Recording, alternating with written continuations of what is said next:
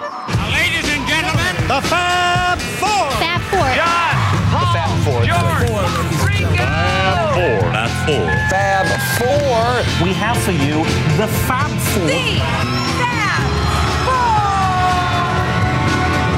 Fab Forecast.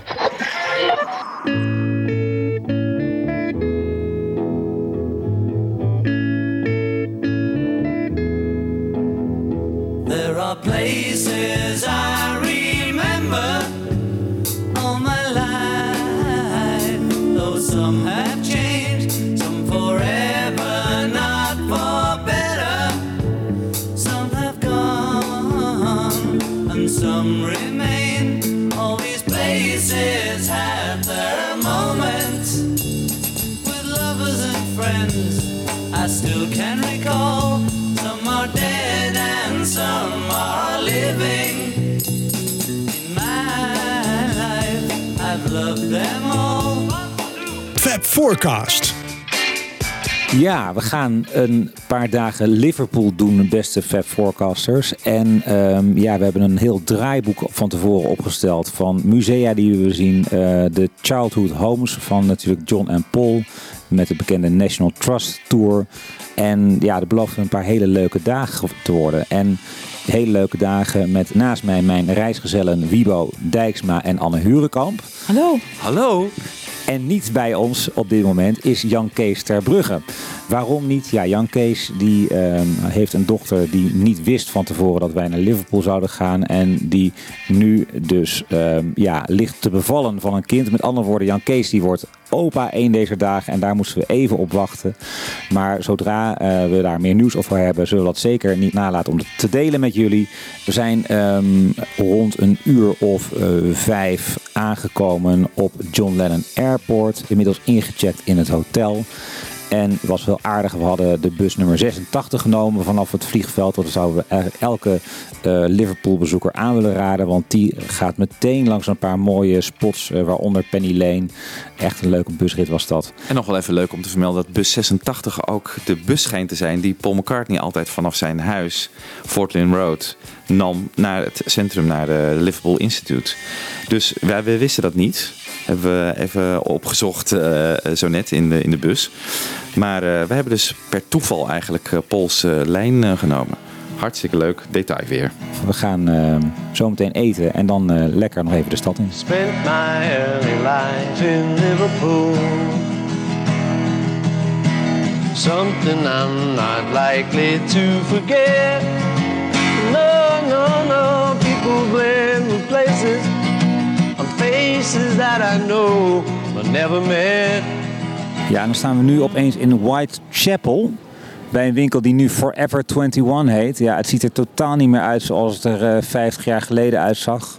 Eh, een nu hagelwit winkelpand met een kledingzaak in. Maar dit was de plek van de oorspronkelijke North End Music Store van de familie Epstein. Hè. Ze hadden een winkel aan de buitenkant van Liverpool. En op een gegeven moment ging het zo goed dat ze ook in het centrum van Liverpool een, eh, een dependance kregen met alleen maar platenverkoop. En dat was dus hier. Ja, eigenlijk om twee gebeurtenissen is het bekend geworden. Het eerst is de komst van ene Raymond Jones. Wie was het ook alweer, Wibo? Ja, dat is een eh, cavern bezoeker geweest. Die eh, had gehoord natuurlijk dat er een singeltje was dat de Beatles hadden gemaakt in Hamburg, My Bonnie. En dat wilde hij graag eh, kopen. En Brian had het niet. En zijn policy was een beetje van... Het maakt niet uit hoe vreemd het verzoek is dat, eh, waar klanten mee komen. Ik moet alles kunnen leveren. Dus hij is er achteraan gegaan om te kijken of hij dat singeltje te pakken kon krijgen. En dat lukte hem. En hij was er eigenlijk heel erg verbaasd over dat eh, het zo goed verkocht, dat singeltje. En toen dacht hij, die Beatles, hmm, interessant. En toen hoorde hij dat het een Liverpoolse groep was en dat ze vlakbij in de cavern speelden. Nou ja, nu wordt er later ook wel gezegd of dat nou een mythe is of niet. En dat hij misschien zelfs wel maanden daarvoor al wel van de Beatles had gehoord. Dat zullen we eigenlijk nooit weten. Maar feit is wel dat hij op 9 november 1961 de wandeling maakte van Nems, zijn winkel, naar de cavern. En dat willen wij nu ook even gaan doen. Dat is namelijk heel kort, 170 meter, zag ik op Google Maps staan. Gaan we zo doen. Maar eerst nog even een andere gebeurtenis hier. Januari van 62 wordt hier ook een bepaald contract getekend. Het managementcontract tussen de Beatles en Brian Epstein. Klopt, ja. En was dat niet die keer dat eh, Paul te laat kwam, dat hij nog in bad zat? Ja, en toen eh, zei George, hij is te laat, maar hij is wel heel schoon. Ja. Dus, maar Brian was er niet over te spreken. Nee. Nee, maar dat was inderdaad ook hier. Ja, geen plaketten hier. Je zou er achteloos aan voorbij lopen, maar echt een heel belangrijke plek in de Beatles-historie. Ja. Zullen we die tocht eh, gaan maken nu? Die tocht van 170 meter. Ja. Epstein trekt de deur hier achter zich dicht. Hij is met Alistair Taylor, hè, zijn assistent.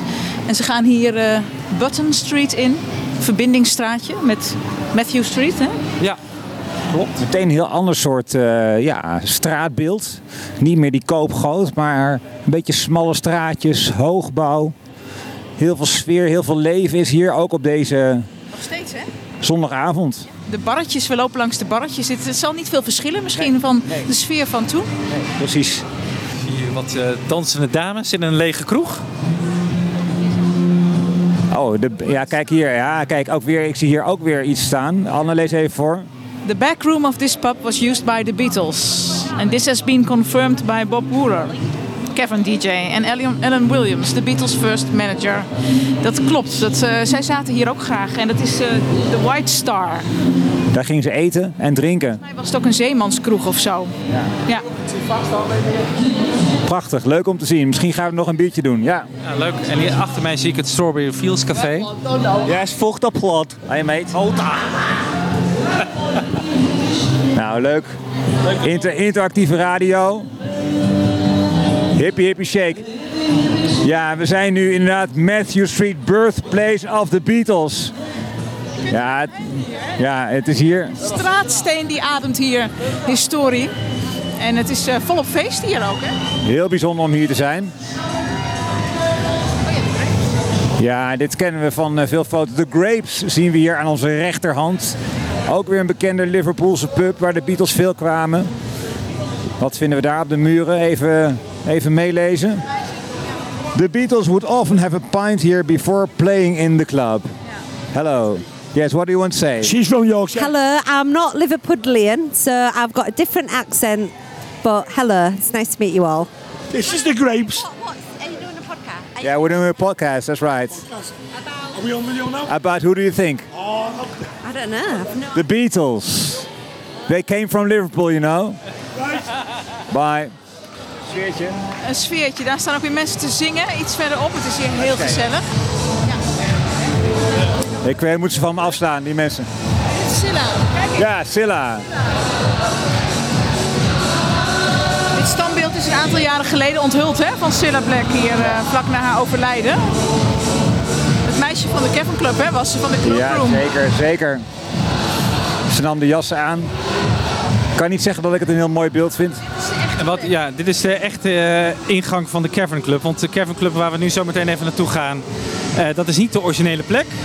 Maar eh, hier is er wel de originele ingang. Maar ja, een grote foto zien we daar volgens mij van de, van de bouncer in die tijd.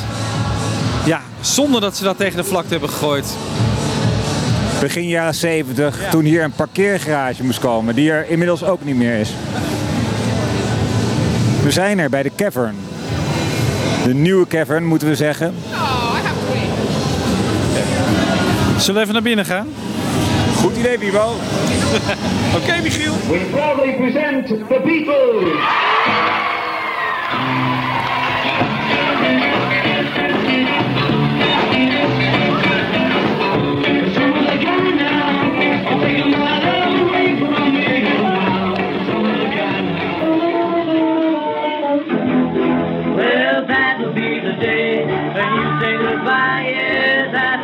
That'll be the day when you make me cry. You say you're gonna leave, you know the lie, 'cause that'll be the day when I die. Well, you give me all your Inmiddels is het eh, maandagochtend, half tien.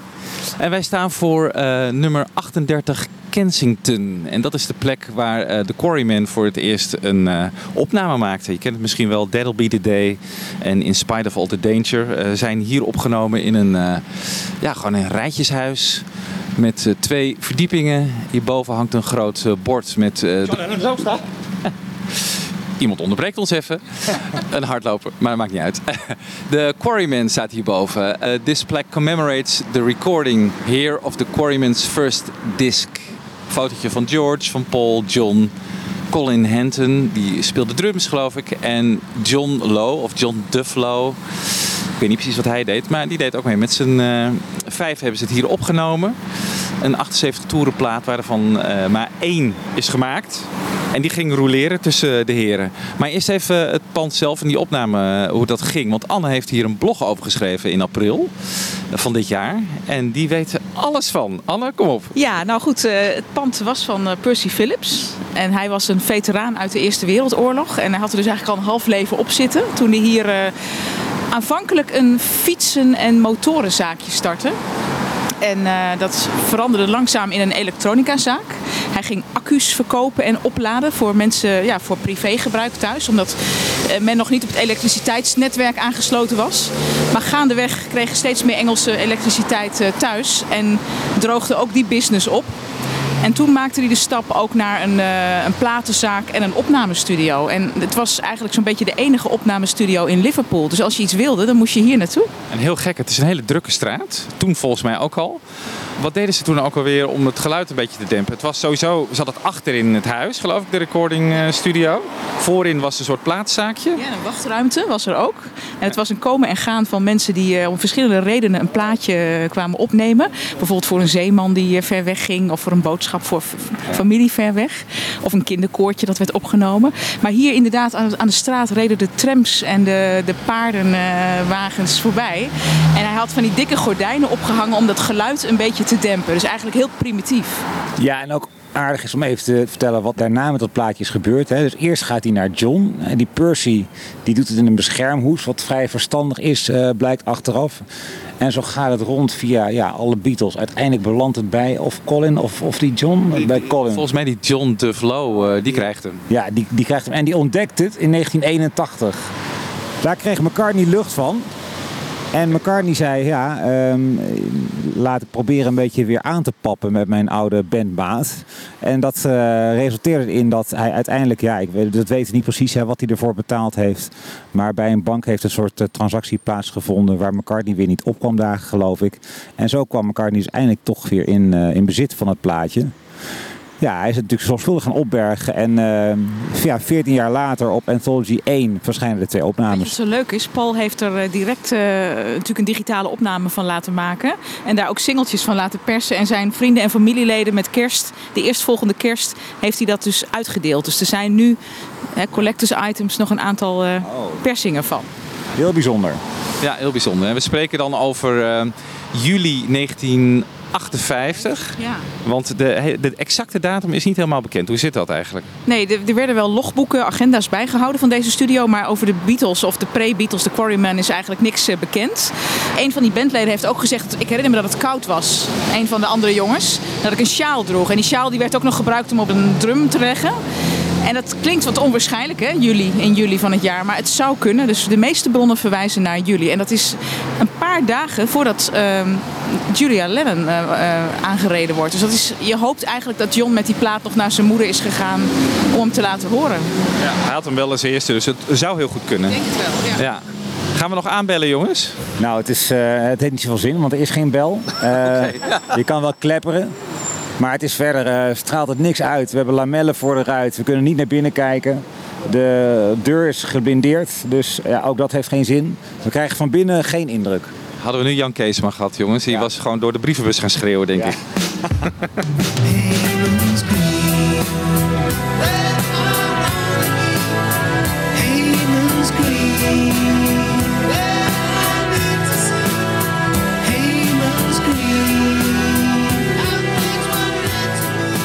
We zijn inmiddels in Hemens Green beland. En de grote Piet Best fans onder onze luisteraars... die weten natuurlijk meteen dat dat ook de titel is van een LP van Piet. En we zijn hier bij een, uh, ja, een schitterende grote villa mag je wel zeggen. Echt een enorm pand. Het is ook echt een heel ander soort buurt dan uh, waar we vanochtend waren bij uh, Percy Phillips. We zijn nu echt in de welgestelde buurt hier in Liverpool. En deze villa was eigendom van een familie Best. En die familie Best was wel bemiddeld, maar ze had nog geen geld voor zichzelf, Mona Best. Maar dat kwam toch haar kant op, Wibo? Ja, dat klopt. Ze had bij haar man, dat was eh, Johnny Best, die was vermogen. Die was eigenaar van het Liverpool Stadium, waar veel bokswedstrijden werden gehouden.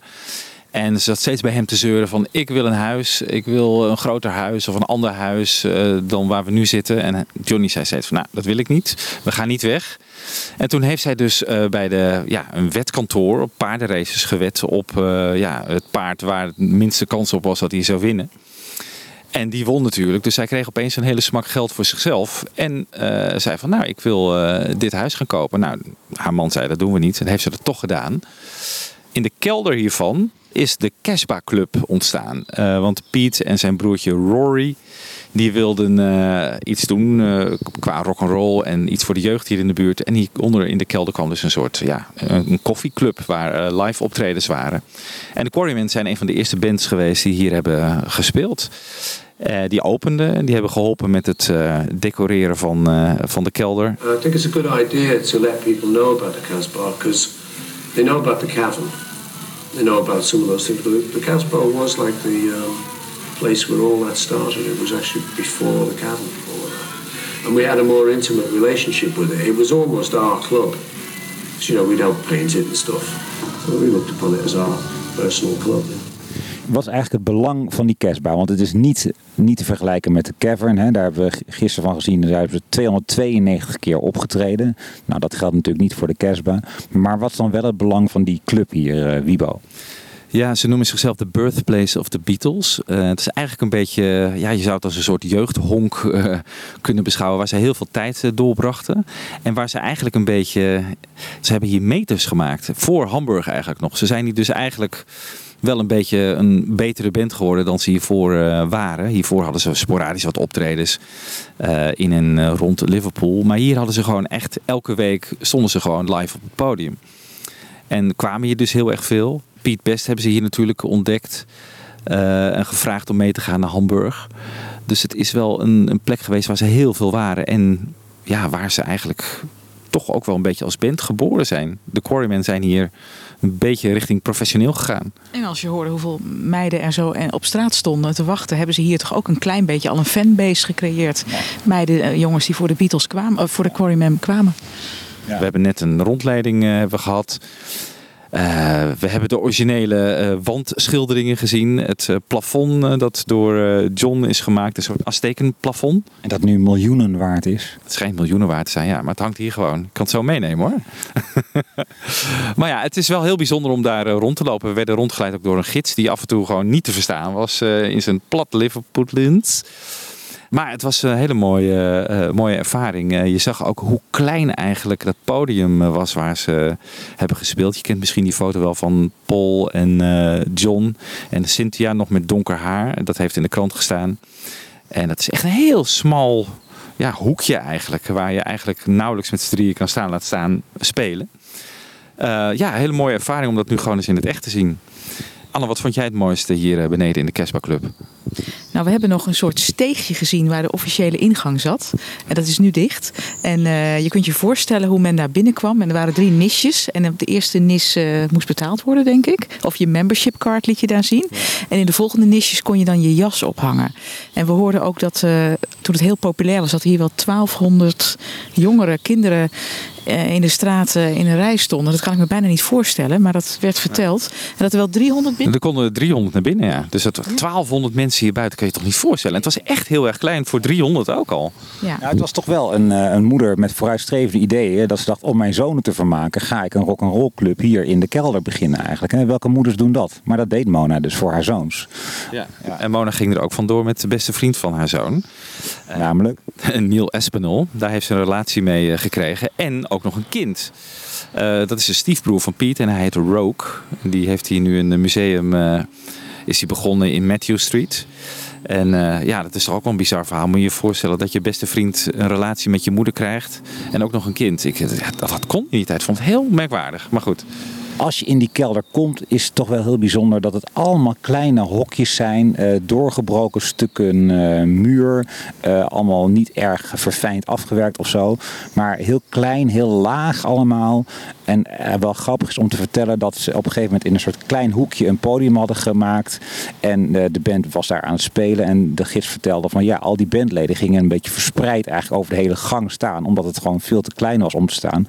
En daarna heeft Mona Best een week lang, eh, 24 uur per dag geloof ik, eh, gewerkt. Om een muur door te breken en een grotere, groter podium te creëren in de, in de direct aanpalende ruimte. En daar is een grote spinnenweb eigenlijk op de muur geschilderd door eh, Piet Best. En daar hebben we ook, ook nog foto's van, van de Beatles die daar aan het eh, spelen zijn. Wat vinden we nog meer aan originele details in, in die ruimtes? Nou, al die, al die ruimtes die aan elkaar eh, grenzen, die hebben natuurlijk allemaal plafonnetjes. En eh, McCartney heeft een deel van het plafond geschilderd in, eh, in een kleuren, een beetje regenboogachtige kleuren. En die kleuren die zouden nog weer terug te zien zijn op de piano die hij Ja. nog steeds gebruikt in zijn, bij zijn liveconcerten. Dat Daar zou een link zitten, begrepen we van de gids. Dat wist ik niet.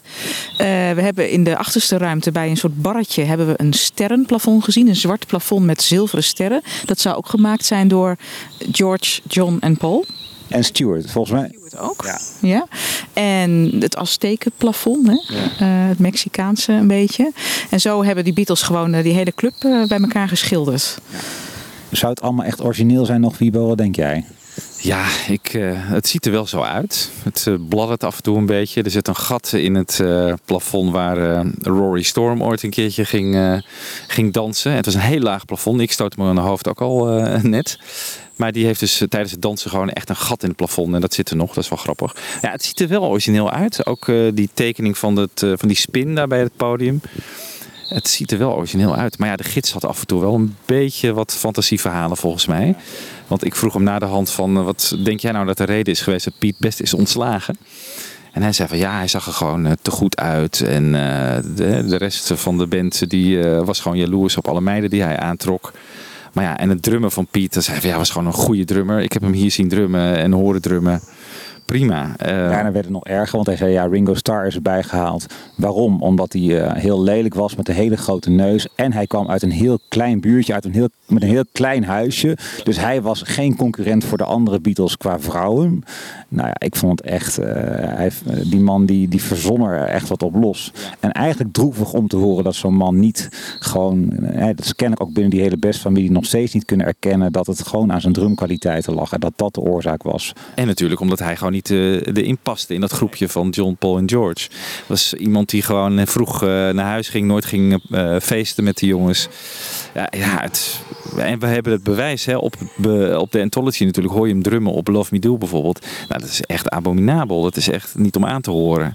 We gaan even een stukje luisteren. Love me do.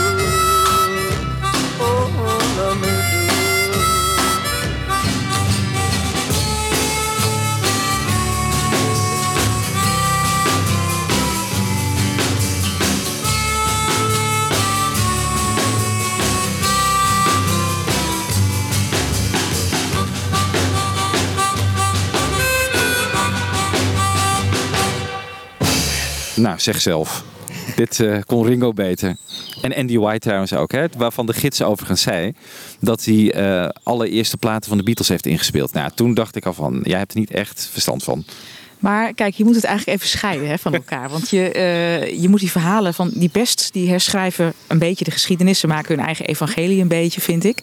Uh, als je dat even wegschuift, uh, dan is het wel fantastisch dat ze deze plek nog in stand hebben gehouden. Ja. Het is, de, de cavern, of de, de cashbar, sorry, is gesloten in, te, wanneer was het ook weer afgelopen? 62. En al die tijd is het pand in bezit van de familie gebleven. En zij verzamelden dus enorm veel spullen, kleding, attributen. En al die tijd is het een soort pakhuis geweest vol met uh, originele Beatles spullen. En die vinden we dus terug in het uh, ja. museum. Ja. En ook in een boek, hè, The True Beginnings of the Beatles van de familie Best. Dus uh, ja, ze waken goed over die erfenis, zeker.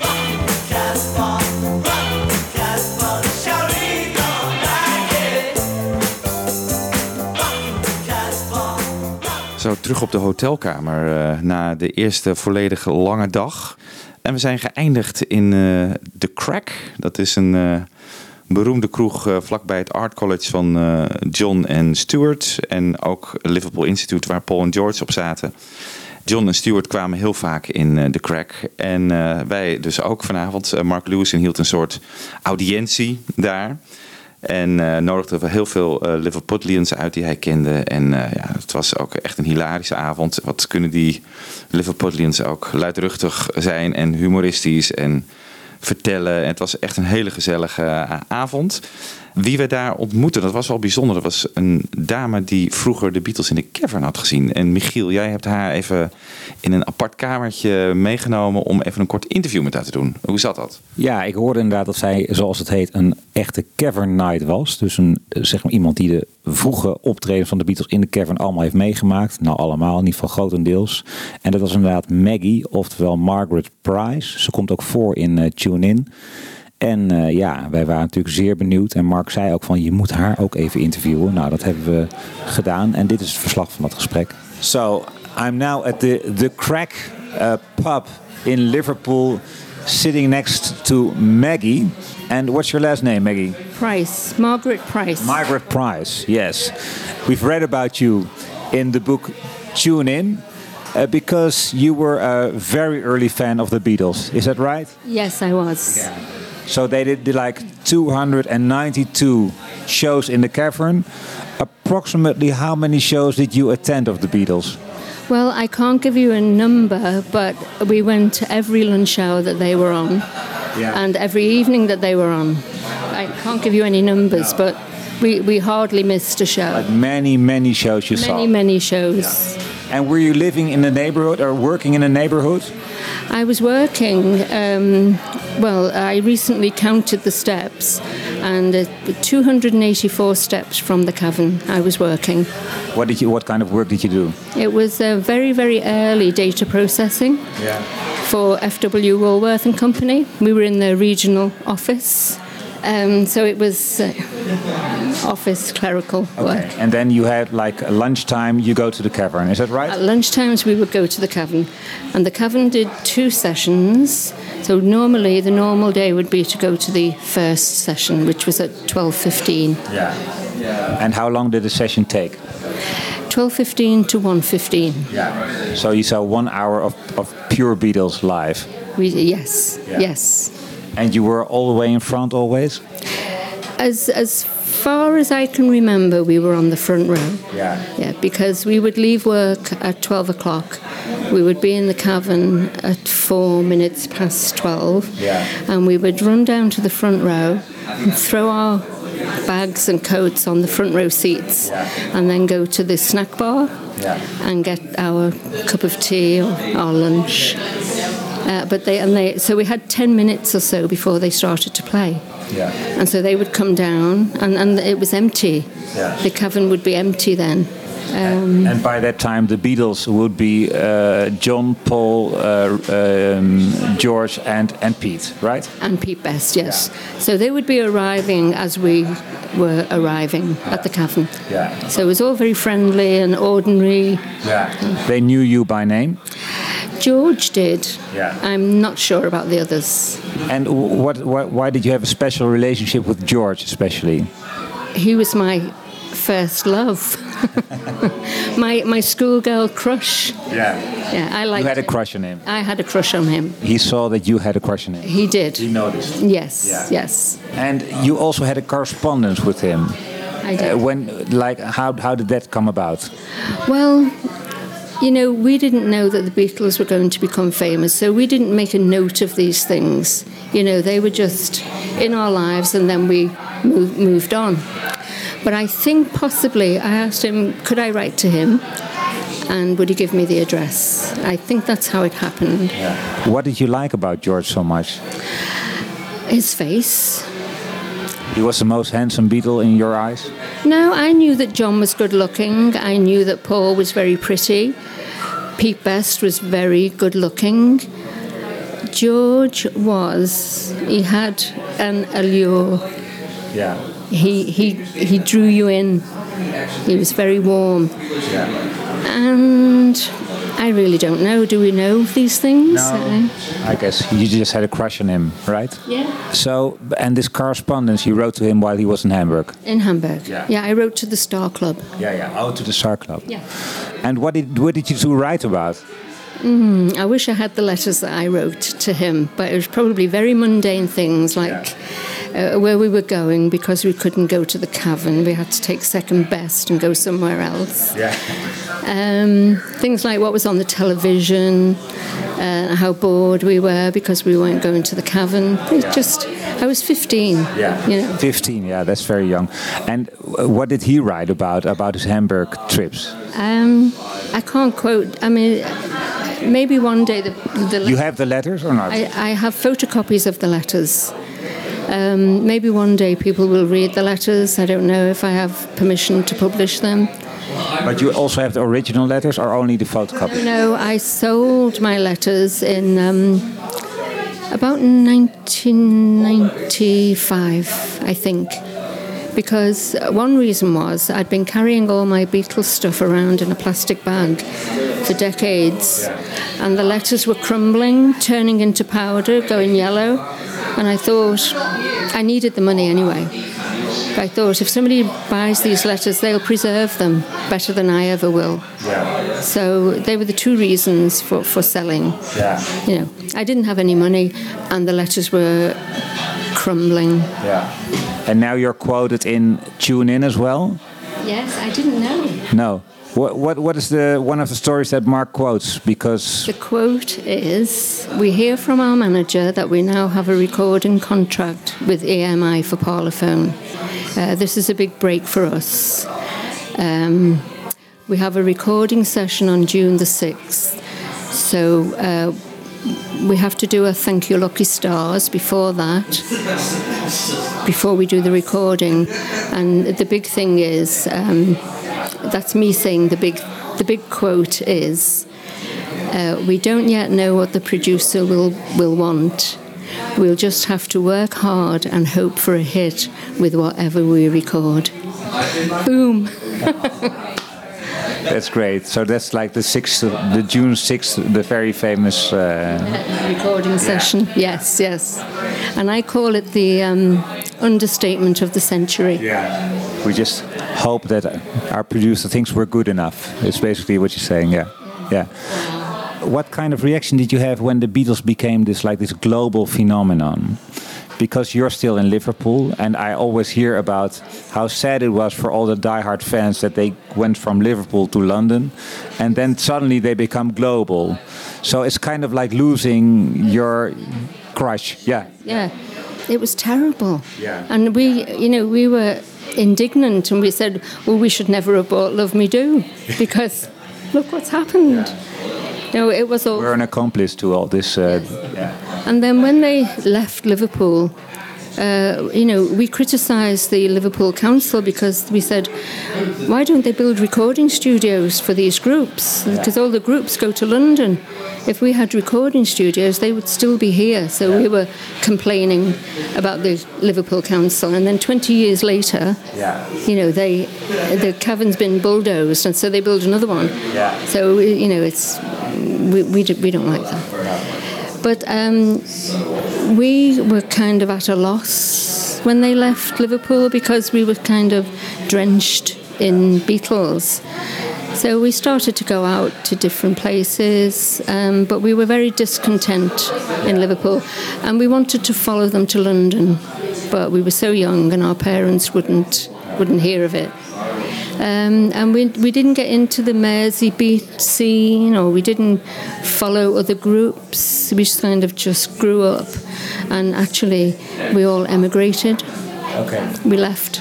You all left Liverpool. We did. And where did you go to? We emigrated to Canada. Okay, all the way to Canada. We were very popular in Canada Okay. because we were from Liverpool. Yeah. And and did you like keep buying all all their records all this time or not? No. No. Not even that. No, no, and um, the, the papers were saturated with the Beatles, but we kind of, well, they're not the Beatles that we know. And also, we were indignant saying, well, we're not fans. We, we're not fans. We knew, you know, they were, we were friends. Yeah, that's right. Yeah, that, I can I can understand the sentiment. Okay, and then about Polythene Pat, can you t- just uh, tell us something? You knew Polythene Pam.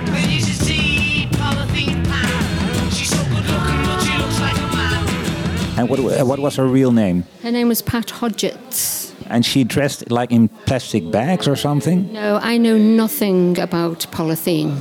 I have no connection with polythene and Pat Hodgetts personally. But you knew uh, Pat Hodgson. She was our friend. Yeah. And now she made a, you made a drawing of her? Why? I made the drawing because Mark Lewison um, is always searching for a photograph of Pat. So periodically he sends me an email, uh, a photograph. Is this Pat? Is this Pat? Is this Pat? I say, no, that's not Pat. No, that's not Pat. So to put him out of his misery of searching, I, I, I'm not an artist, but I thought I would draw the, the type of look that she was.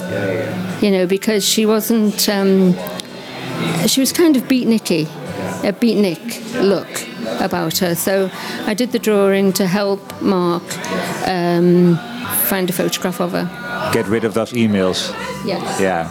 Um, Pat was a George fan also, and it was coming up to his birthday. And uh, as, uh, Pat's mother had a, a lodging house, a bed and breakfast guest house on Mount Pleasant, so obviously she could cook and bake. Anyway, she baked George a birthday cake. So Pat asked me would I go with her to take the cake to George's house. So we went to George's house with the cake. We, we took the bus, I think it was the number 74 bus, up to Mackett's Lane and knocked on the door, but he wasn't there. Uh, his mum and dad were there. So we spent the evening. With Louise and Harold? Yes, yes. Uh, they were really, really nice. Um, and they were apologising because it was a council house corporation. Um, Why did they apologize? they apologised because it was brand new and they, they weren't allowed to decorate for six months because the plaster was wet. Okay. And she was apologising because the house had no wallpaper and the walls were bare. But you didn't care. Oh, God, no. But we, and she allowed us to look through his records, and he had, um, you know, a 45 uh, with the hole in the middle. They, they must have been maybe, I don't know, he must have got them from America or somewhere. But he had them on like a, a pole, so the records were stacked like this. And we looked through the LPs. There was a lot of Carl Perkins albums, and uh, we had a very nice evening. And then I don't know if my memory is cheating me, but I thought it was the very next day they were playing on the cavern. So as we ran down the, we used to run down the stairs and throw our money on the desk and show our card. And Paul, um, George was at the bottom of the stairs, and he grabbed my arm and said, "Thanks for the cake." So I was, you know, thrilled. But he thanked you. you yes, he did. Thanks for the cake. Yeah. Well, great. Thanks, Margaret, for your stories. And um off to the next story.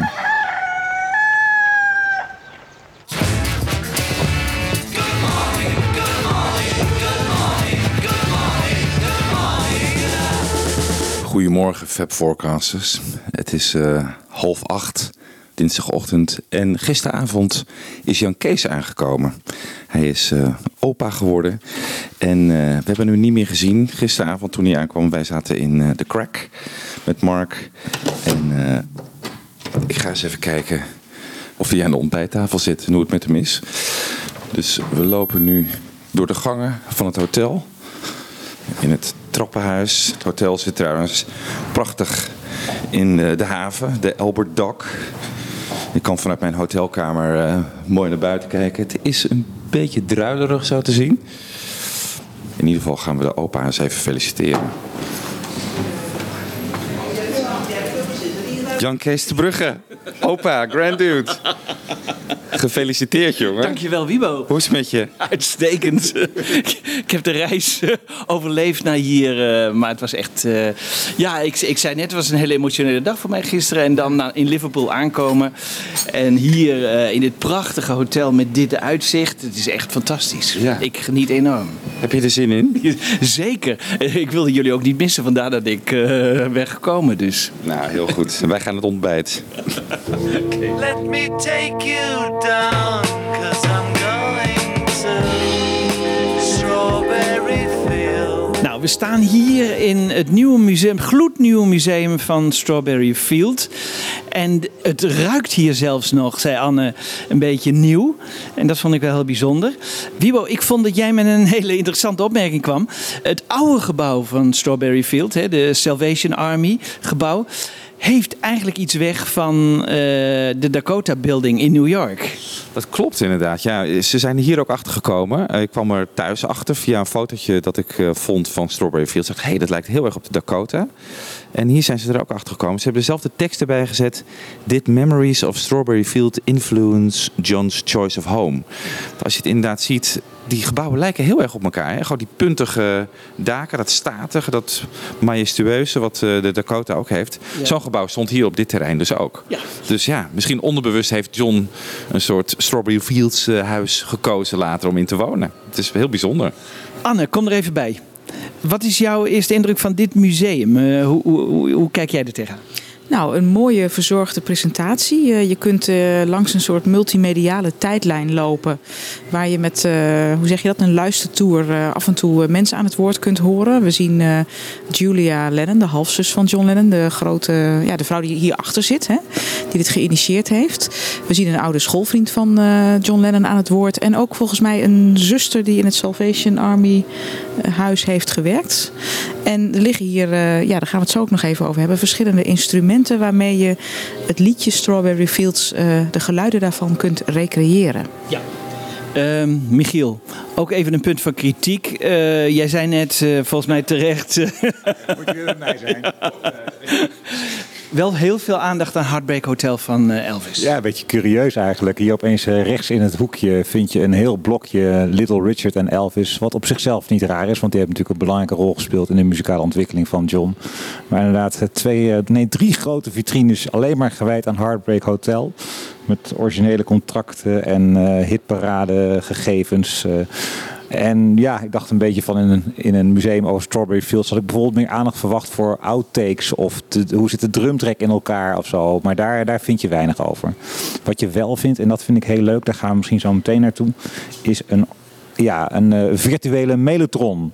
Om, mellotron, om de intro van Strawberry Fields na te spelen. Ze hebben ook een demo-versie daarvan. Die zullen we even, want het kan alleen op de koptelefoon gehoord worden. Dus we houden even de microfoon tussen de koptelefoon. Speel ik even de demo af. Ik denk dat we de virtuele mellotron hebben gesloopt. Ja, dat denk ik ook. Wat heel knap is. Ik hoor hem heel in de verte hoor ik hem wel. Maar...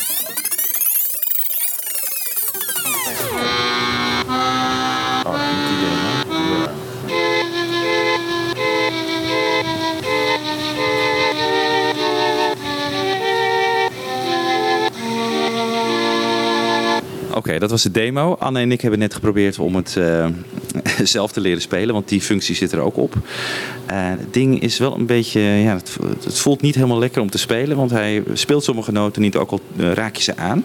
We gaan het toch proberen. Anne, jij ook een poging. Begin jij maar. Nou,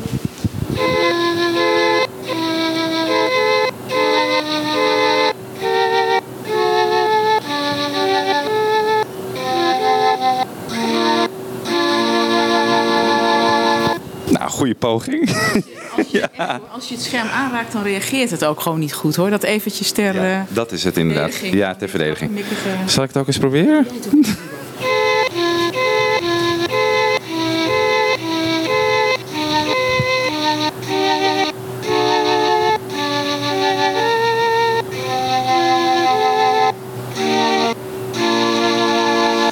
Let me take you down.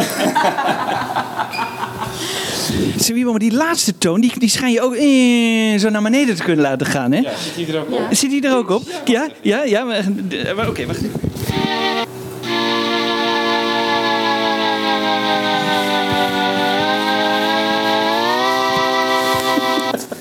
Tadaa! Heel leuk, jongens, heel leuk. Oké. En wat we hier ook hebben is een swarmandella, een swarmandal eh, in het Engels. En dat is dat instrument dat je George hoort spelen. En dat gaan we reproduceren. Nou, Wiebo, succes. Dank je.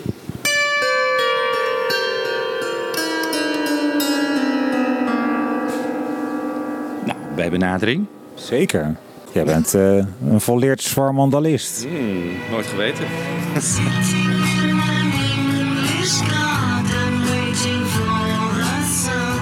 Inmiddels zijn we buiten bij Strawberry Fields op het eh, terrein. Er is een hele grote tuin aangelegd met eh, af en toe wat borden. Love and peace are eternal. Eh, jongens, wat hebben we daar nog meer?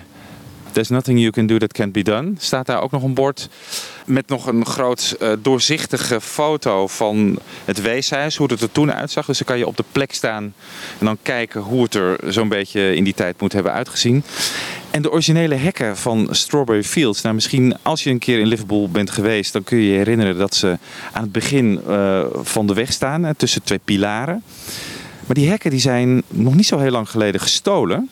Hoe zat dat, eh, Jan Kees? Ja, door iemand die gewoon eh, die, die niet wilde verkopen of zo, maar die het gewoon als oud ijzer wilde, eh, wilde verkopen. Dus helemaal geen enkel historisch besef had. Oh, het was leuk. Michiel die pakte net even zijn telefoon en we zagen een foto uit 95 waar Michiel nog voor de originele hekken stond. Dus die originele hekken zijn inmiddels weggehaald. Die staan dan hier in het park. En ze hebben denk ik replica's gemaakt die ze nu daar eh, hebben eh, opgehangen.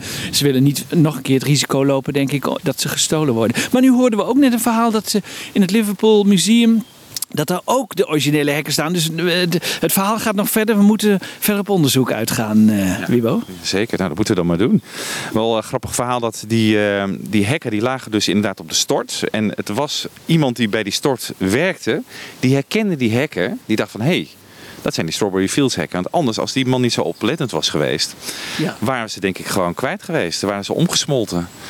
Heel apart. Heel apart. Jongens, volgende locaties. Zullen we naar de St. Peter's Church lopen? Woolton. In Woolton, daar waar... Alles eigenlijk begon. Hè, waar John en Paul elkaar hebben ontmoet, volgens het verhaal. Eh, nou, daar gaan we nog wel even dieper op in daar. Maar dat lijkt ons heel erg leuk om daar toch even te gaan kijken. We gaan dus lopend, een kilometer. Michiel heeft uitgerekend 17 minuten lopen. Dus eh, dat moet te doen zijn. I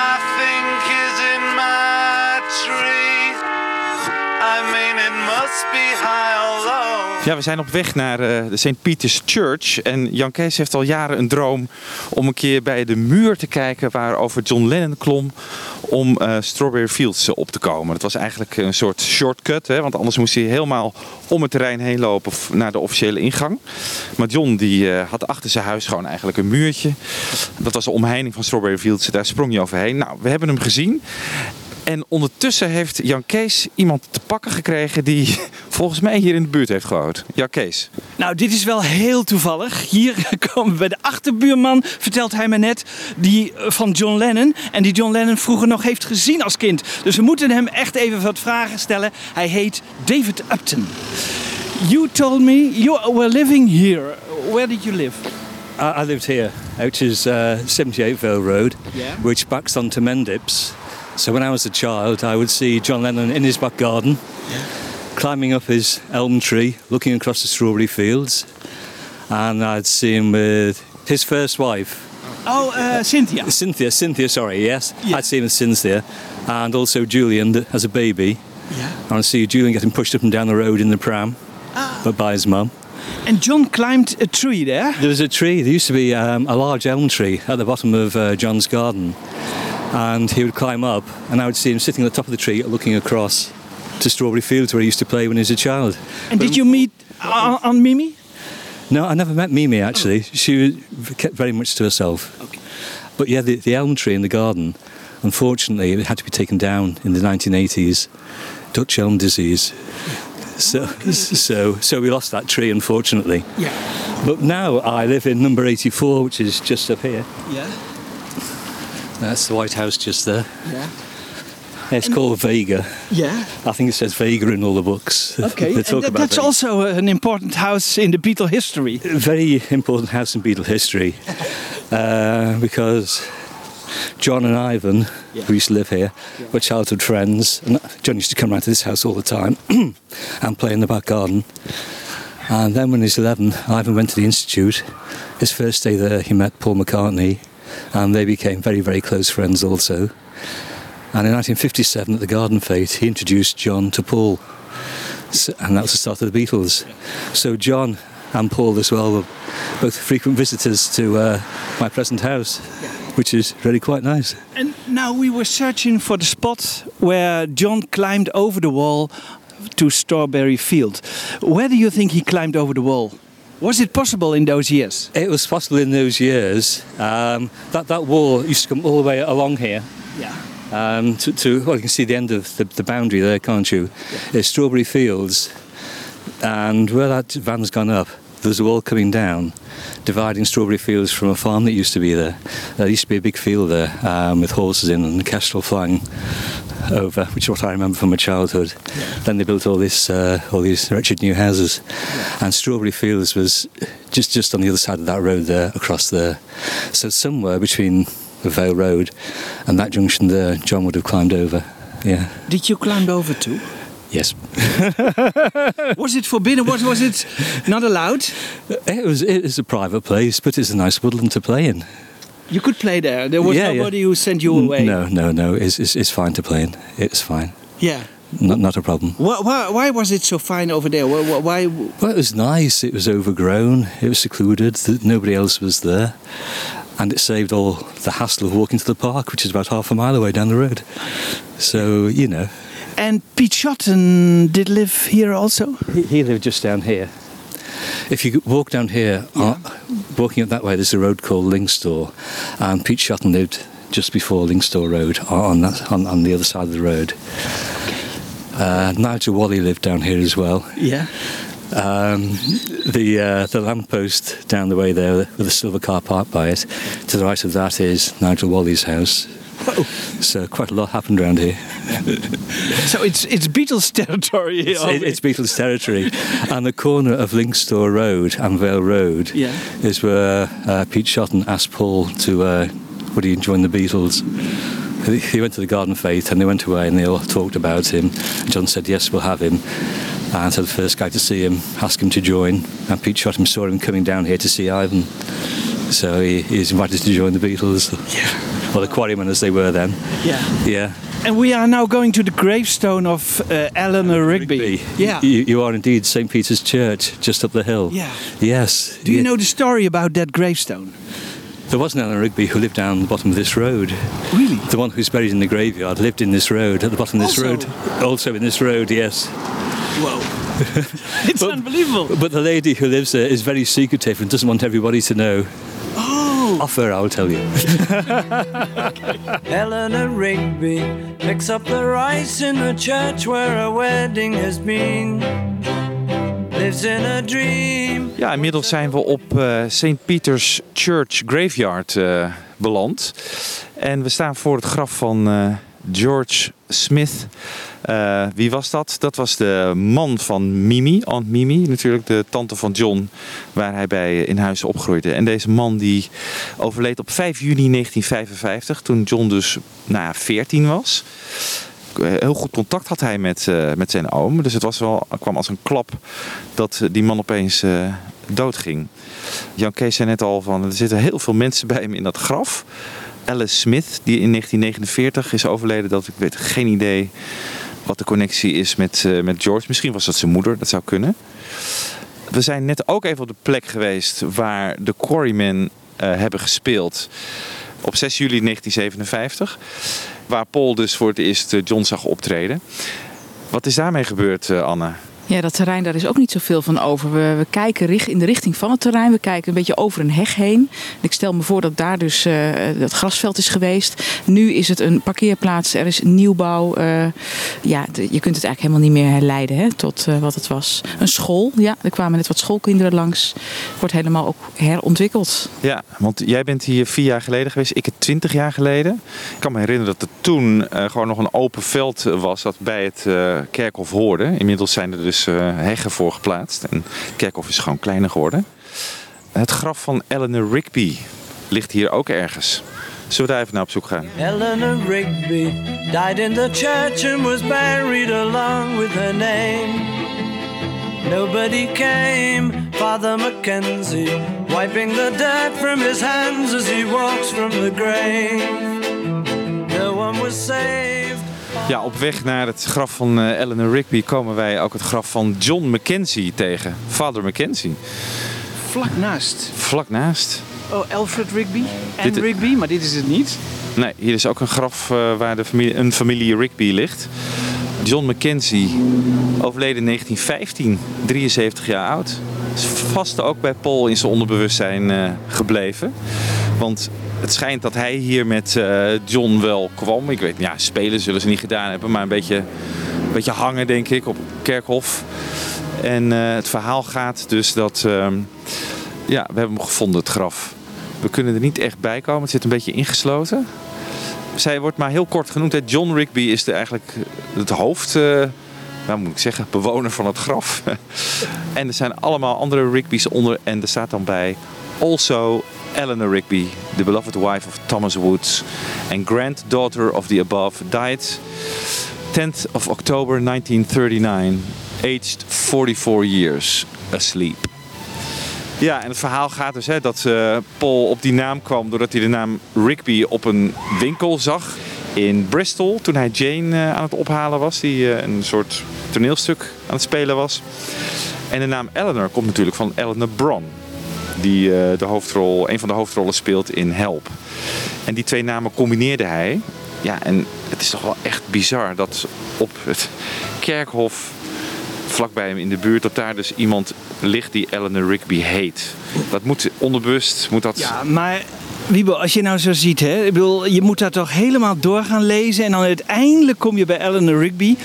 Eh, Paul McCartney zou dus eindeloos hier dit, graf hebben moeten bestuderen. En dan eh, Eleanor Rigby hebben moeten onthouden. Hij had ook Thomas Woods kunnen onthouden. Of Francis, eh, John Rigby. Ja, misschien is het. Dit moeten we denk ik toch wel als zuiver toeval zien. Of wat vind jij, Michiel? Tja, moeilijk, moeilijk. Even psychologie van de koude grond. Kom op, Michiel. Ja, ik vind de naam, naam Rigby zie je op heel veel grafstenen staan. Dat was echt een gebruikelijke naam hier in de buurt. Dus dat hij dat van een winkelruit eh, oppikt eerder dan van een grafsteen, kan ik me ook iets bij voorstellen. En Eleanor, daar heeft hij dat natuurlijk een, een jaar eerder mee, eh, was een zeer regulier contact. En goed, hij combineert dan die namen tot Eleanor Rigby. En dat, dan klikt er iets in zijn hoofd, denk ik, van... hé, hey, deze naam klopt of zo. Deze twee voor- en achternamen die kloppen. Je kan je zo voorstellen dat hij hier gewoon met John op het hoekje heeft gezeten... en een beetje ging filosoferen over het leven. En dan kijk je wat om je heen en dan zijn er wat namen. En dan is misschien de naam Eleanor Rigby... die dan in zijn onderbewustzijn is blijven hangen. Ik geloof daar wel een beetje in, eerlijk Wat denk gezegd. jij, Anne? Ik denk dat, het, dat, dat hij het van de winkelruit heeft en van, van de actrice. En dat, ik vind het heel onwaarschijnlijk, maar ik vind het wel een prachtig verhaal. Het is 3-1. Ja. Er is nog één ander verhaal wat we hier moeten vertellen, wat wel eh, zeker hier is gebeurd. Namelijk dat John op deze begraafplaats ontmaagd is. Dat weet jij dan weer. Met Barbara Baker. Ja, dat vertelt Mark Lewison. Ja. Waar Wa- gebeurde dat? We gaan nu sporenonderzoek verrichten. Where is the semen? Fred Seaman? Ja. From the first time that she really done me. Ooh, she done me. She done me good. I guess nobody ever really done me. Ooh, Ja, we zijn vanaf de begraafplaats de weg overgestoken door een zwart hek.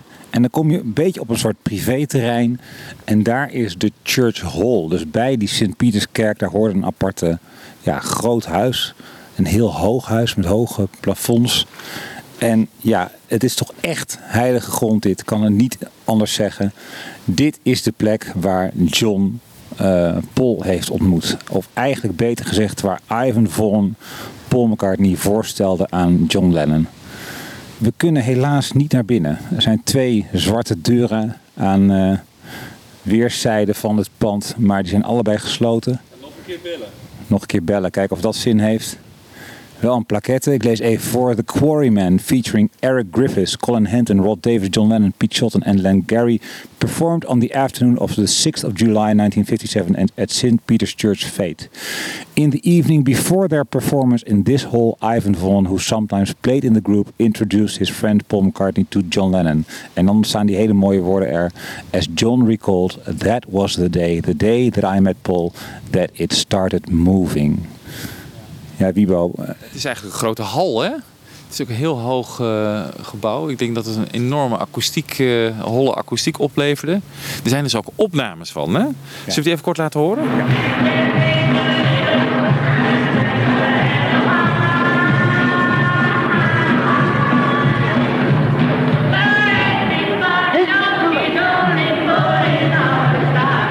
Jan Kees, als je daar achterlangs loopt, wat zie je dan? Ja, dan kom je in een soort klein gangetje terecht. En Anne en ik zeiden net tegen elkaar... hier hebben ze vast achter een soort sigaretje gerookt of zo, weet je wel. Zo'n zo'n plek is dat echt eh, een, beetje, een beetje schimmig, een beetje... Ja, en dus dat hier John Lennon en Paul McCartney voor het eerst elkaar ontmoet hebben... We zeiden net tegen elkaar, dit is een soort sacrale plek eigenlijk. Hè. Dit, is, eh, dit mag ook nooit meer eh, verdwijnen eigenlijk. Ja, wat dat is wel bijzonder hè? dat dat Strawberry Fields, dat oorspronkelijke huis, weg is. Dat de plek waar het optreden was, vol is gebouwd. Maar er zijn nog bijzondere plekken waar het gebouw er staat zoals het er hoort te staan. En waar het hopelijk tot in de eeuwigheid ook zal blijven staan. En dit is zo'n gebouw. And we met and we talked after the show.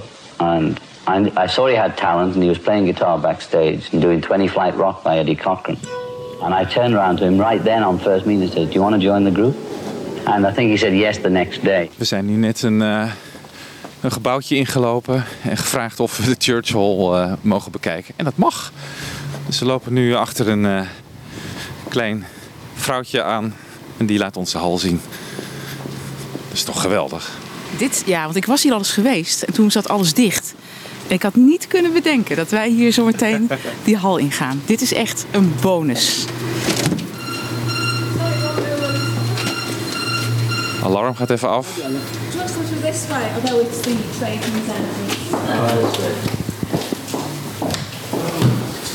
Zo. They, this is where John and Paul first met. Ja. What about the time we met? What about the time well, I suppose that you could say that we were playing hard to get. Didn't understand the thing, but we could always sing. En wat is het Wiebo? Hoe zou je dit omschrijven? Ja, een lege church hall eigenlijk. De vloer schijnt nog eh, origineel te zijn. Lijkt een beetje op de vloer van Abbey Road. Vind je ook niet? Ja, van die visgraat motief. Ja, inderdaad. De mevrouw van de kerk die legde net uit dat het podium eh, inmiddels is weggehaald. Maar dat je nog wel de contouren kunt zien waar het podium heeft gestaan. Dus ook hoe hoog het was. En zij heeft die vroeger zelf eh, ja, ook op het podium gestaan. Hè, voor school, toneelstukken en zo. Heel grappig. Maar het is een hele hoge hal. Erbovenin eh, allemaal van hout, een houten dak. Ehm, glas in lood, eh, ramen. eh, groot kruis uiteraard. Ja, hier is het gebeurd. Ja. En ook grappig, hè, de hele geschiedenis wordt hier hoog in ere gehouden. Want langs de wanden vinden we allemaal foto's van 6 juli 1957. Ook het tijdstip dat ze aan elkaar zijn voorgesteld. Dat was tien voor zeven s'avonds volgens overlevering. En ook nog brieven van McCartney eh, en Cynthia Lennon. eh, bij verschillende herdenkingsbijeenkomsten van 50, 60 jaar geleden. Allemaal gereproduceerd hier aan de muur. Ja, en ook, en dat vind ik wel heel erg mooi, dat prachtige schilderij. Echt een ontroerend schilderij vind ik dat. Eh, We hebben natuurlijk geen foto's van de ontmoeting. Maar toch iemand die heeft eh, eh, ja, een schildering gemaakt van eh, hoe die twee aan elkaar zijn voorgesteld. Met Paul met zijn eh, gitaartje op zijn rug. En Lennon eh, gezeten op een, eh, op een stoel. Omringd door alle andere leden van de Quarrymen. Heel erg bijzonder om hier te zijn. Echt heel bijzonder. Okay, this is Fortland Road. This is number 20 here. That's it, yeah. So, how old were you when you lived in that house? About 12, 13, I think. And when did you leave? 18, 20. Should we go in and have a look? go in? Shall we? Hang on, let me park up. I've never been in since I lived there. So this is going to be incredible. All right, let's get in there. Let's have a look.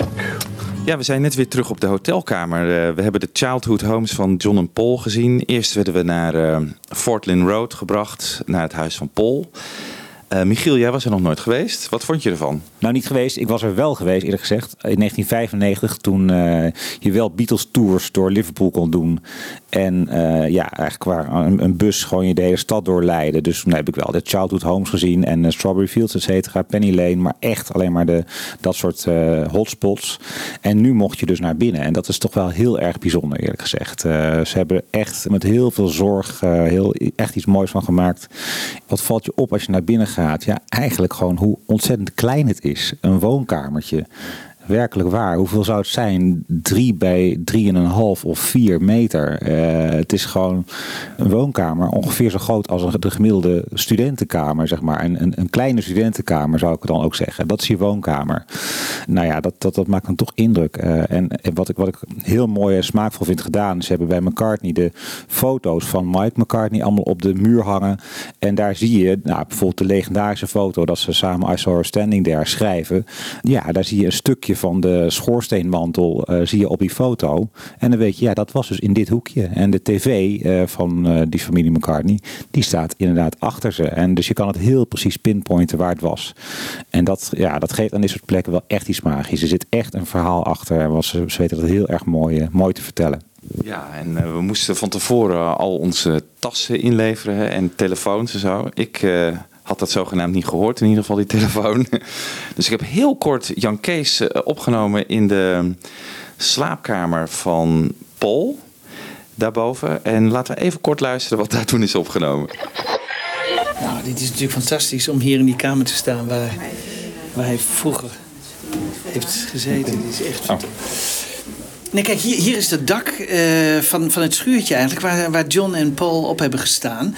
En waar ze keken eh, naar een, eh, een of andere politieoefening.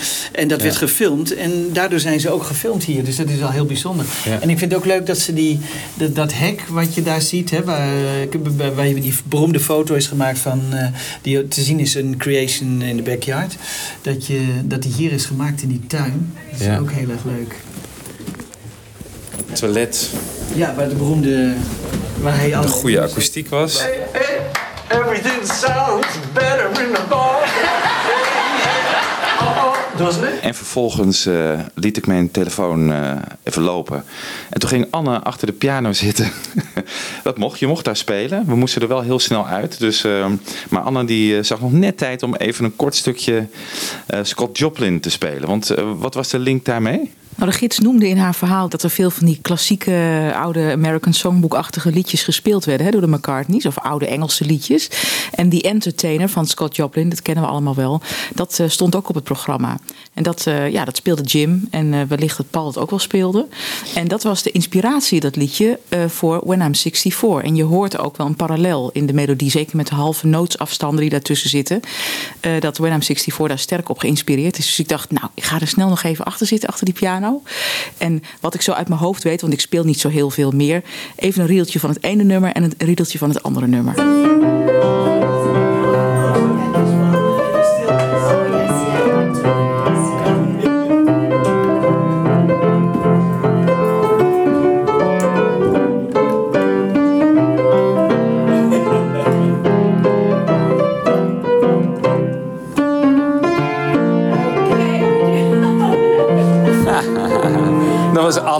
Op de piano. Ja, heel leuk. Mooi dat we nog even dat hebben kunnen opnemen. Nou, da- daarna eh, werd ik op mijn vingers getikt, want de vrouw des huizes die eh, had gezien dat ik eh, aan het opnemen was. Dus volgens mij heeft zij toen de buschauffeur waar wij mee eh, reden even geïnstrueerd, let op die kerel, eh, dat hij bij John Lennon thuis eh, zijn telefoon inlevert. En dat heeft deze kerel ook gedaan later. Heel braaf.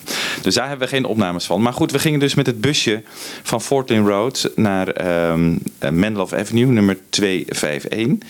Eh Mendips ook wel genoemd. Jan Kees, wat vond jij van Menlove Avenue? Nou, weet je, als je daar loopt, dat vind ik echt fantastisch. Dan, je hebt echt het idee, deze deur heeft John open en dicht gedaan. En hier stond hij misschien broodje, boterhammen te smeren. Hier liep hij omheen, hier zette hij zijn fiets neer. Eh, hier sliep hij, je zit op dat bed van John. Anne heeft nog een fotootje van mij gemaakt dat ik op dat bed zat. Ook stiekem. Maar dat is dan zo fantastisch, dat je echt op die plek bent. Dat je ook in Fort Lane Road achter, dat je die, eh, die regenpijp ziet waar Paul tegenop klom eh, toen hij jong was. Dan zit je echt in hun voetsporen. En oh, hier zaten ze. Oh, zo groot was het. Hier zat dus John, hier zat Paul. En zo klonk het. En zo keken ze naar buiten.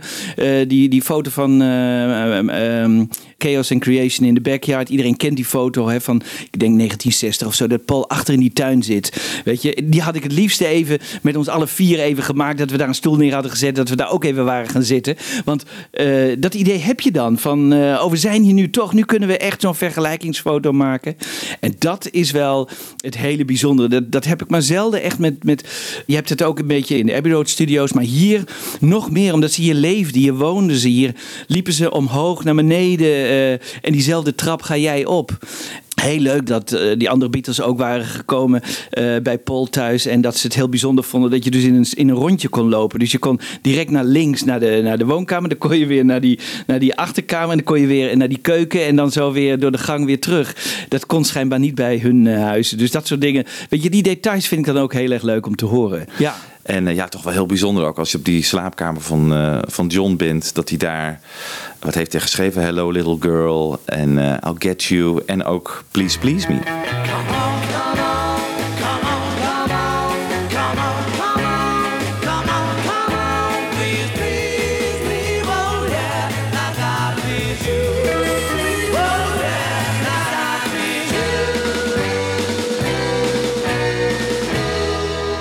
Veel over John en Paul natuurlijk, maar ook aandoenlijke verhalen wel over uh, ja, hun opvoeders. Dus uh, de vader van Paul, daar wordt de, nodige dingen over verteld, maar ook over Mimi.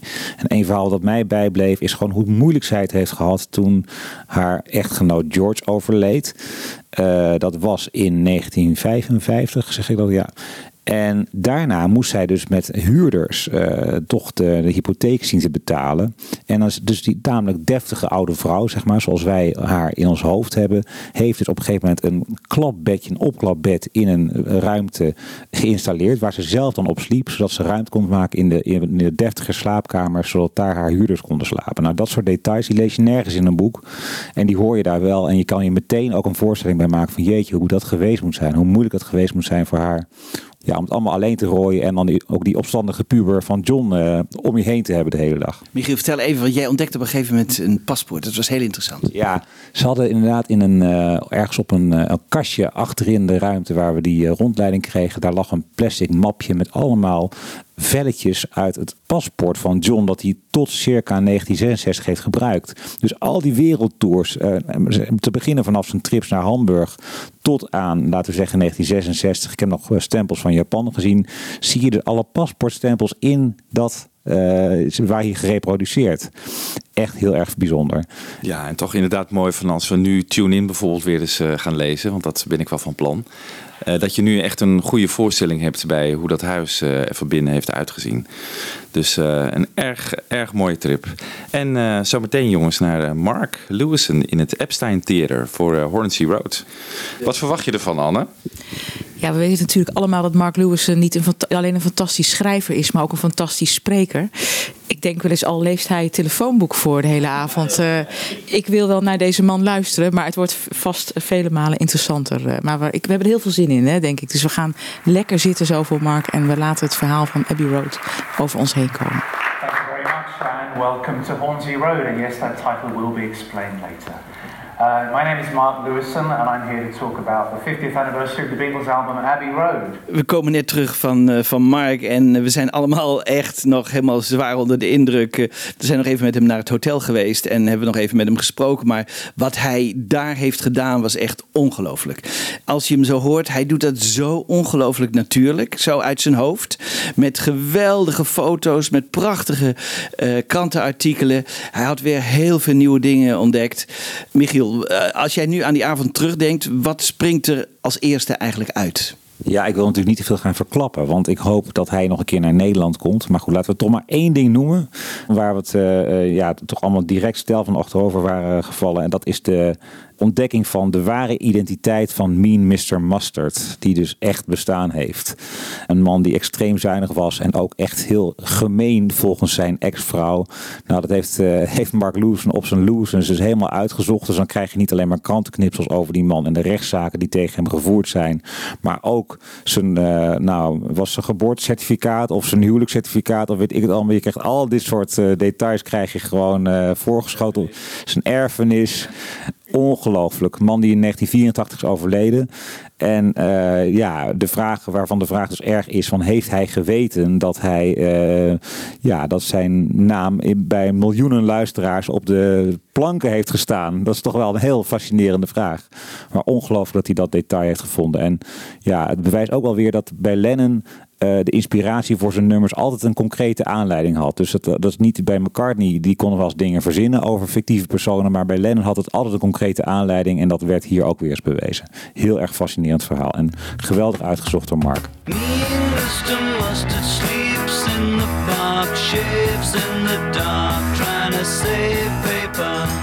Anne, wat heb jij vooral overgehouden aan deze avond? Nou, net als jullie enorm genoten. En eh, je moet inderdaad niet te veel eh, verklappen. Want het is eigenlijk leuk dat het verhaal nog eens door meer mensen gezien en gehoord kan worden. Wat ik heel mooi vond, is dat. eh, er werd ook ingegaan op de dag dat de hoesfoto natuurlijk gemaakt werd. Uitgebreid met alle outtakes van Linda McCartney die we al wel kennen. Maar er was ook een foto die ik nog nooit had gezien. En dat was de foto die Ian Macmillan maakte als proeffoto van hoe, hoe geef ik die compositie eigenlijk vorm. Dus hij liet, voordat hij met de Beatles die fotosessie ging doen, liet hij vier mensen over het zebrapad lopen. En wie waren dat? Was ook een technicus bij of mensen nou, die even voorhanden waren, laten we het zo zeggen. Macmillan learned two things from this picture. One was that when the Beatles were there, he would need to be higher up. He learned from this that he needed to be elevated. And so two days later, when the Beatles were there, he had a step ladder positioned in the middle of the road just to get a better angle. Hij ging even proberen, ja, hoe is dat perspectief? En kwam er dus ook achter van als ik op straat ga staan, dan sta ik te laag. Ik, ik heb echt wel een trapje nodig. Wij hebben die foto gezien. En eh, dat vond ik een heel mooi, verrassend, opvallend moment uit de avond. And the other thing was that there was a, an infernal white car parked on the left-hand side there that no one could move because the owner had gone away on holiday for two weeks. Ja, ik was zelf ook enorm onder de indruk eh, van Mark's eh, presentatie. Hoe hij dus een algemeen publiek moet kunnen vermaken natuurlijk. Want het is niet allemaal zo enorm Beatle-nerds zoals wij zijn. Dat wist hij heel goed te doen. Maar hij wist ook heel goed in te zoomen op een detail. Zoals dat van Mean Mr. Mustard. Dus hij had een hele mooie balans tussen algemene kennis rondom het album. En eh, echt het inzoomen erop. Heel knap gedaan. En ja, een natuurlijke verteller, die man. Dat, eh, het is echt eh, een wonder dat wij die hebben in Beateland. Nou, daarna zijn we dus nog even naar zijn hotelbar gegaan. Hebben we even wat gedronken. Markje heeft biertjes gekocht. En het is inmiddels kwart over één. Laten we erin duiken. Time you little toddlers were in bed. I'm having no more messing. You've been out to the park all day, you've had a lovely time. Now it's time for bed. Are we ready? Daddy'll sing a song. Now it's time. Woke up, fell out of bed, dragged a comb across my head. Ja, de laatste dag in Liverpool voor ons. Eh, wij eh, hebben net een bezoek gebracht aan het Magical Beatles Museum van Rogue Best. En Rogue Best is de zoon van Neil Aspinall en Mona Best. En ja, hij eh, heeft hier allerlei dingen tentoongesteld die dus in de kelder van de Casbah Club zijn gestald. Al ja, iets van 50 jaar. Alles wat Neil ook van tours heeft meegenomen en in zijn tijd met de Beatles. Want hij was natuurlijk de roadmanager van de groep.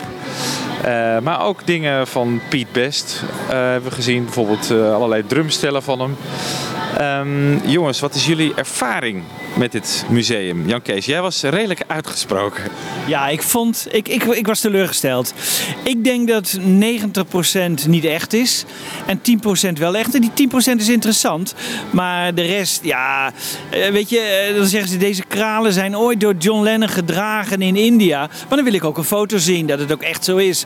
Of deze huisjes hebben ze gekregen van de KLM in het vliegtuig. Nou ja, die krijgen wij ook eh, van de KLM in het vliegtuig. Dus weet je, dat soort dingen, ik geloof ze dus niet altijd. En eh, dat vind ik het jammer hierbij, dat je echt het gevoel hebt, je wordt af en toe bij de neus genomen. En dat vind ik jammer.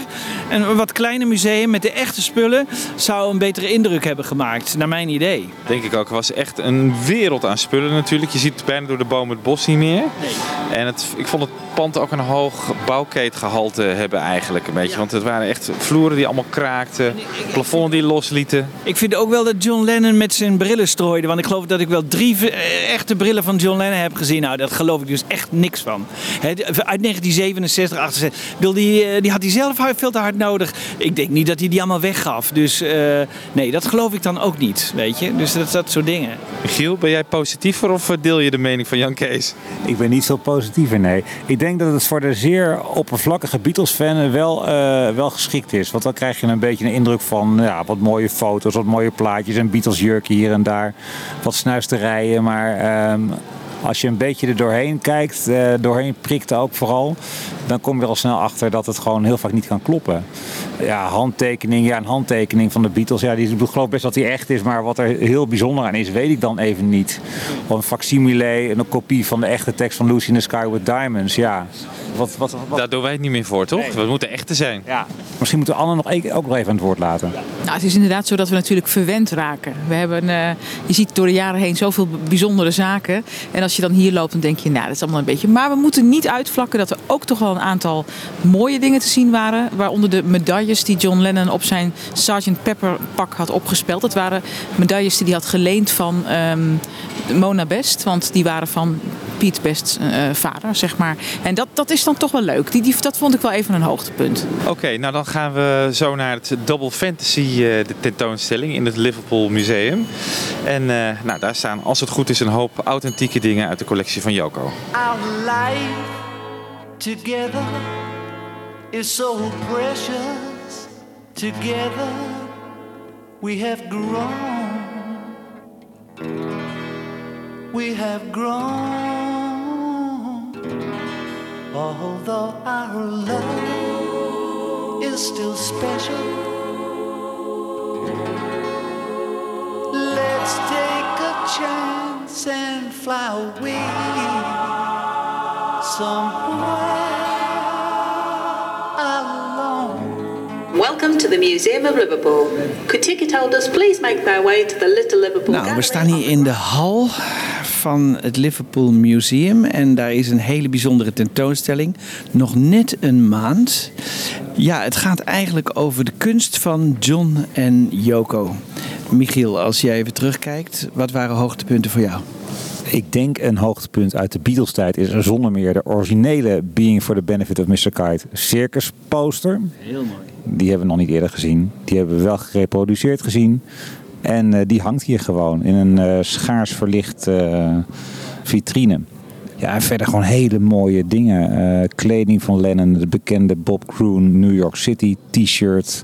Een army t-shirt, eh, brillen, dat soort dingen. Maar het is ook niet alleen maar objecten, maar het is ook echt eens een heel informatieve en goed verzorgde tentoonstelling. Waar ook de hardcore Beatles fan echt nog wel wat van opsteekt enorm mooi gemaakt. Het zou eigenlijk, zeiden we net tegen elkaar, een permanente tentoonstelling hier op de tweede etage van het Liverpool Museum moeten zijn. Ja, wat ik ook wel leuk vond in het begin, daar stond de ladder hè, waar eh, John opklom in die tijd eh, in de tentoonstelling dat hij Yoko ontmoette. En dat hij dan die ladder oploopt en boven met een vergrootglas dan het woord yes ziet staan. Dat vond ik wel heel bijzonder.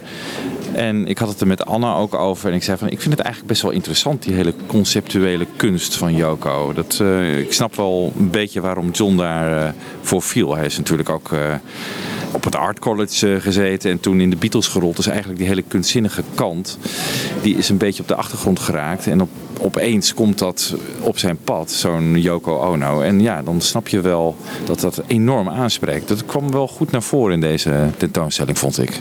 Eigenlijk kun je wel concluderen dat met de ontmoeting van Yoko dat er toch een, een, luikje open ging hè, bij Lennon. Dat heel lang misschien wel gesloten was geweest.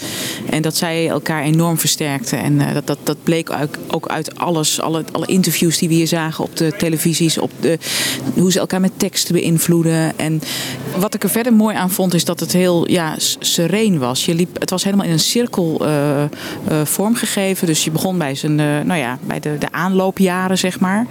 Onderverdeeld in grote belangrijke tijdvakken uit zijn leven. Waarbij bepaalde jaren die gewoon heel belangrijk waren. 68, 69, ehm, het Imagine-jaar, 75. Hè, toen zijn leven een heel andere wending kreeg. Die waren eruit gelicht. En dan aan het eind, ja, ehm, aan de moord wordt geen aandacht besteed. Dat vind ik eigenlijk ook heel mooi. Wel is er nog een stukje over daarna. Hè, hoe Strawberry Field in eh, New York is opgericht. Wat beelden uit de Imagine documentaire. En dan is de cirkel rond. En dan sta je weer gewoon aan het begin. in. En dan sta je weer in, de, eh, in het nummer Imagine dat daar gespeeld wordt. Dus dat, eh, dat heeft ook iets heel sereens, vind ik. Mijn persoonlijke hoogtepunt vond ik het schriftje The Daily Howl uit 1955. Waarin hij tekeningetjes maakte en gedichtjes schreef. En je ziet voor je hoe hij op die slaapkamer in Menlove Avenue eh, voor het raam zat te tekenen en te schrijven. Dat vond ik fantastisch om te zien. En daar ben jij gisteren geweest natuurlijk. Wat dat betreft is dan ook de cirkel rond Daily Howl en de slaapkamer van John op Menlove Avenue. Ik vond ook nog heel bijzonder de hairpiece, bedpiece eh, posters uit Amsterdam die hier te zien waren. Eh, omdat we die zo vaak op foto's hadden gezien, maar nu in werkelijkheid op, op ware grootte.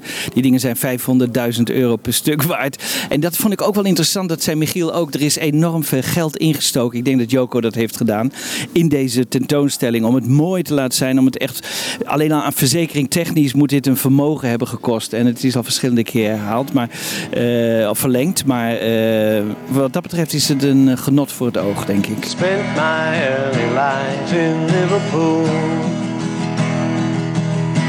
Something I'm not likely to forget. No, no, no, people blame places on faces that I know but never met. Ja, Fab Forecasters. Wij zitten momenteel in het vliegtuig terug van Liverpool naar Amsterdam. En eh, de reis zit erop. Helaas. We hebben een eh, prachtige paar dagen in eh, Liverpool gehad. Persoonlijke hoogtepuntjes. Jan Kees. Ja, het bezoek aan de huizen, het bezoek aan Woolton en de John en Yoko tentoonstelling vond ik echt hoogtepunten voor mij. Michiel? Voor mij was een hoogtepunt het bezoek aan de Church Hall. Waar ehm, Paul werd voorgesteld aan John. En natuurlijk de lezing van eh, Mark Lewison. We hebben zoveel gedaan en de zaken zijn moeilijk met elkaar te vergelijken. Een bezoek aan een museum is niet hetzelfde als een bezoek aan de Kesba. En dan zo'n lezing van Mark erbij. We hebben zoveel leuke, bijzondere dingen gedaan in die drie dagen. Ja, eigenlijk is het eh, heel moeilijk te zeggen. Maar dit waren voor mij wel twee dingen die er echt uitsprongen. En voor jou, Wibo? Voor mij, ik vond de Cashba heel erg leuk om daar een keer in gestaan te hebben. De John en Yoko eh, tentoonstelling vond ik erg mooi. En toch ook wel die avond eh, in de crack met Mark Lewison en allerlei Liverpudlians. Dan krijg je toch wel een beetje dat, eh, ja, dat Liverpool gevoel. En eh, hoe die mensen in elkaar steken. Dat was erg leuk om daarmee kennis te maken. Zullen we Anne ook nog even vragen? Die zit aan de overkant eh, van het pad. Heeft last van de oren. Anne, de hoogtepunten. Ik vond het fantastisch om weer in Liverpool te zijn. Om door de straten van de stad te lopen. Om eh, die stad te voelen, mee te beleven. Een avond met Mark Lewison in The Crack. Spreken met eh, Margaret, de, de, de oudste fan van George Harrison, vond ik heel erg leuk. Ik heb erg genoten van de Double Fantasy tentoonstelling. Die vond ik ontroerend. En ehm, ja, voor mij is er eigenlijk maar één conclusie. Eh, dat verhaal van de Beatles is zo groot, zo veelomvattend en heeft zoveel zijsporen en zoveel diepte. Het verhaal is nog lang niet helemaal verteld. Ja, wat mij ook over, overigens altijd iedere keer in Liverpool weer opvalt, dat je zo goed kunt verplaatsen in die tijd van de 60 jaren. Ik wilde, er staan nog overal antennes op de daken. eh, de, de straten zijn nog niet heel veel veranderd, vind ik altijd. Liverpool heeft nog een beetje die sfeer van vroeger. En dat, dat vind ik iedere keer weer heel erg leuk om te ontdekken. Aan de andere kant gebeurt er ook ontzettend veel in de haven. Daar is echt eh, heel veel nieuw gebouwd. Maar aan de andere kant vind ik ook, vooral in die wijken als ehm, Woolton en Speak en waar eh, McCartney ehm, woonde, dat soort straatjes, die ademen nog de sfeer van vroeger. En dat vind ik ook heel erg leuk. Ja, inderdaad. Dat elk- vooral voor de, de wijken waar we zijn geweest, waar John en Paul eh, hebben gewoond. George en Ringo's huis hebben we helaas niet gezien, maar ehm, daar zal hetzelfde voor gelden. Dat daar je echt inderdaad de, de sfeer van vroeger nog heel duidelijk kan proeven. Bij Matthew Street is dat al wel een stuk moeilijker, hè? want daar hebben we ook foto's van gezien hoe dat was. Hoe de eh, meisjes en jongens daar in een rij stonden voor de cavern. Daar kan je niet meer bij voorstellen dat dat dezelfde straat is als die je nu ziet. En de, de, ook de cafés die daar nu zijn, de grapes die legendarisch zijn, ja, die nodigen nu niet uit, vind ik, om daar nou gezellig een biertje te gaan drinken. Maar de crack bijvoorbeeld eh, geldt is, is alweer heel anders. Dus je moet het echt een beetje opzoeken in Liverpool. Die mooie spots, maar ze zijn er wel echt. Dus niet noodzakelijkerwijs in Matthew Street, maar op heel veel andere plekken wel. En het is echt een eh, hele mooie, bruisende stad. Waarvan je ook wel echt merkt van die stad die drijft op het toerisme rond de Beatles. De Beatles zijn echt overal. Uit speakertjes klinken ze eh, waar je ook bent. eh, dus op een gegeven moment denk je ook van, nou, nu mag het wel even wat minder.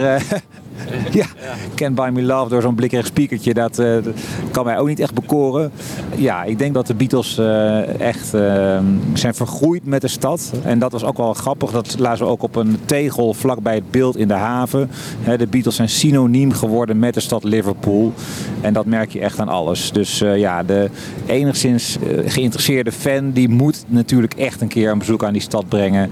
En daar de leuke tours doen die wij ook hebben gedaan. En dat kost wat geld, maar dan heb je ook een herinnering die je je leven lang eh, niet vergeet. Nou, dit was het eh, reisverslag van Fab Forecast plus Anne in eh, Liverpool.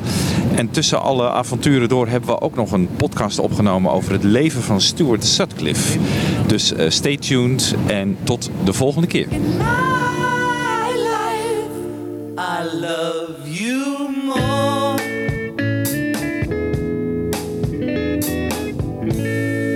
That is the end, the end of the end. Thank you very, very much. Fab Forecast. Geniet je van Fab Forecast? Laat dan een fijne review achter in iTunes. En geef ons meteen even lekker veel sterretjes.